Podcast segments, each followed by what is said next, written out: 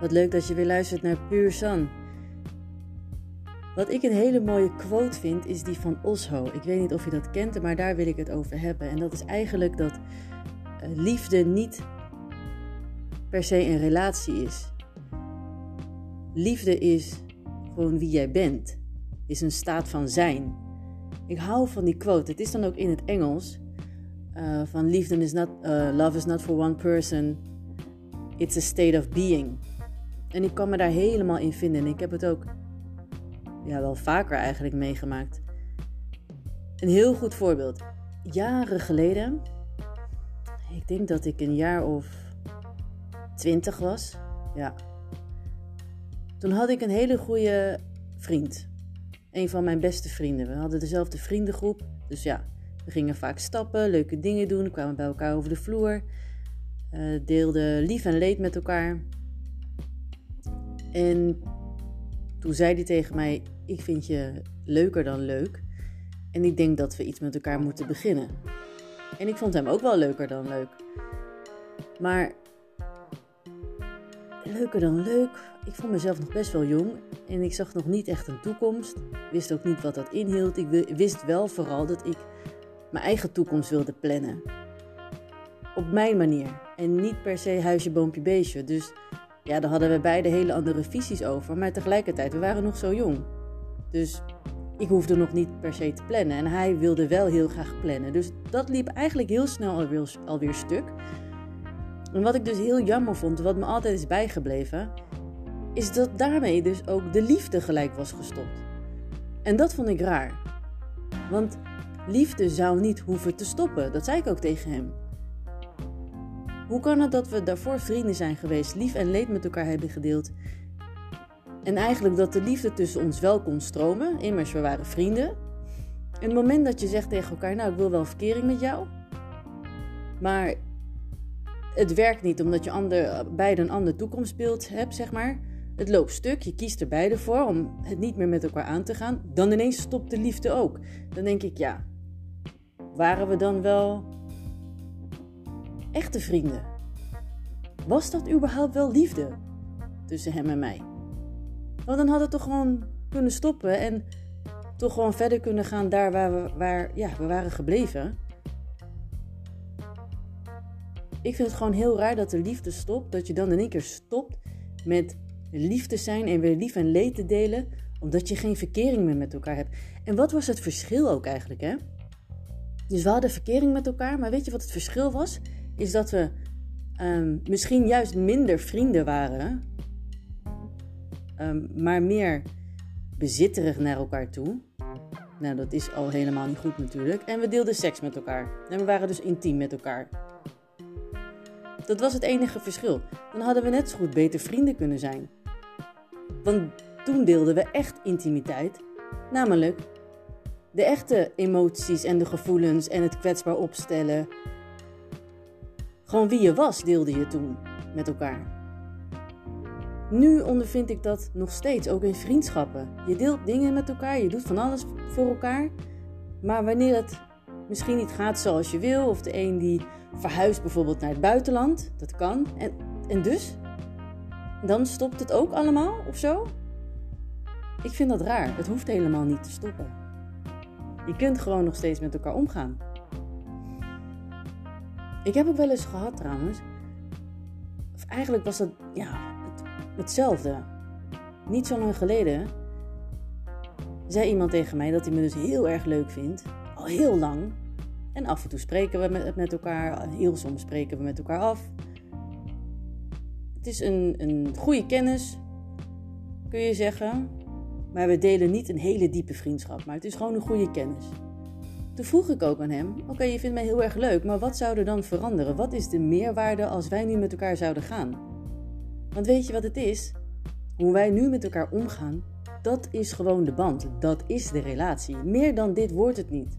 Het enige wat we dan zouden gaan delen met elkaar als we er ineens voor gaan, is dus weer die seksuele intimiteit. En waarschijnlijk dat je elkaar gaat claimen. Dus dan kun je beter gewoon vrienden met elkaar blijven. En ja, die vriendschap is, wat ik zeg, een hele goede kennis en een niet zo'n diepe vriendschap. Maar that's it.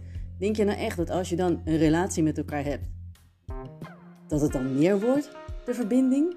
Die verbinding blijft gewoon hetzelfde. Die dynamiek tussen mij en die ander blijft hetzelfde. En ik denk dat heel veel mensen denken dat je, ja, je leert, iemand kennen, je krijgt verkering met elkaar en dan nou, herken je vast wel het moment van ja, dan gaan we met elkaar trouwen. En als we met elkaar gaan trouwen, dan ga je de diepte in. Dat is helemaal niet waar. De verbinding die je dus voor dat trouwen had, die moet al gewoon solid zijn. Stevig. Dat moet al een hele goede basis zijn. En dan moet je gaan trouwen. Dat trouwen, dat stukje extra, gaat er echt niet voor zorgen dat je nog dieper in die verbinding gaat zitten met elkaar. Dat is een illusie, dat is helemaal niet waar.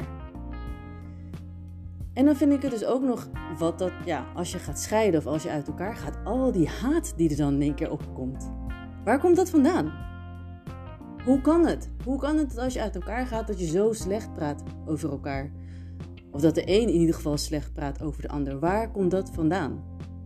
Als je echt zo liefdevol was, in ieder geval, ja, zoals Osho zei, a state of being. Je zijn is gewoon liefde. Dan hoef je niet slecht te praten over een ander. Ja, maar diegene heeft me van alles geflikt. Oké. Dan nog steeds. Als jij gewoon blijft wie je bent. En er gewoon voor zorgt dat diegene, al wat hij ook doet, jou niet kan beïnvloeden met jouw zijn. Dan ga je niet hatelijk praten. Al ben je uit elkaar.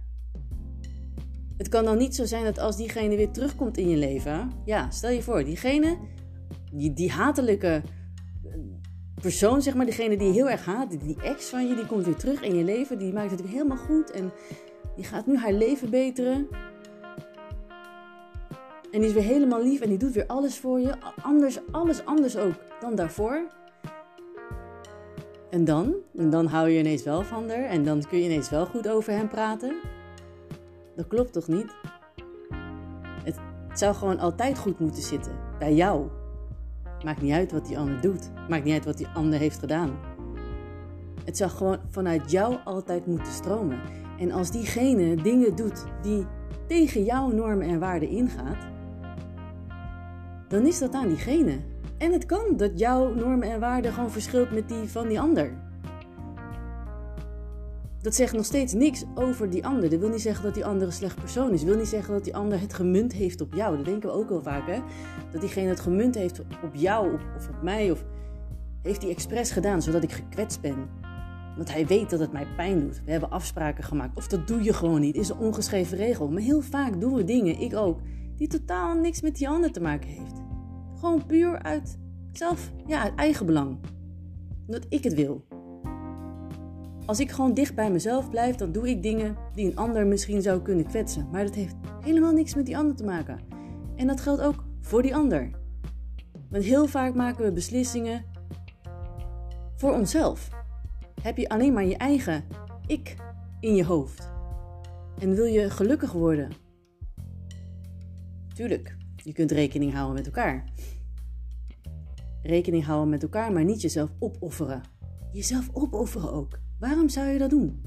Wie is daarmee gekomen? Want weet je wat het is? Als je jezelf gaat opofferen, dingen gaat inleveren. Wat heel normaal is, hè? Iedereen vindt het normaal. Dat als je een relatie hebt, dat je dingen moet gaan inleveren, concessies moet doen. Ja. Want dan ja, is het geven en nemen. Gaat nergens over. Ik kan gewoon inderdaad dingen doen die jou pijn doen, maar dat ja, is jouw interpretatie. Mijn leven, mijn keus, heeft niks met jou te maken. Ook al zijn we in een relatie, ook al zijn we in een verbinding. Dat is gewoon liefde voor mij. Al dat andere is een soort van samenwerken, is een soort van machtsspelletje. Jij moet doen wat ik wil, want dan ben ik blij. Of jij moet doen wat ik wil, want zo hoort het. Zo hebben we het afgesproken in dit land. Want het is in dit land, hoeft niet zo te zijn, in een ander land. In een ander land hebben ze heel andere normen en waarden. Dus hier hebben we dit afgesproken, is een ongeschreven regel dat en vul zo maar in. Maar is dat liefde? Het heeft volgens mij totaal helemaal niks met liefde te maken. Liefde begint uiteraard bij jezelf, maar die is al zo moeilijk. Want hoe doe je dat? Zo vaak krijg je de vraag, en ook ik stel hem: hoe doe je dat? Hoe hou je van jezelf? En dat is natuurlijk jezelf voor opstellen, om gewoon al zelf liefde te zijn. En niet een ander te dwingen tot dingen die hij moet doen voor jou en het dan liefde noemen. Vind ik in ieder geval heel gek. Dat waren mijn gedachten voor vandaag. Leuk dat je hebt geluisterd naar Puur San. Vergeet niet om ook te volgen, zou ik heel erg leuk vinden.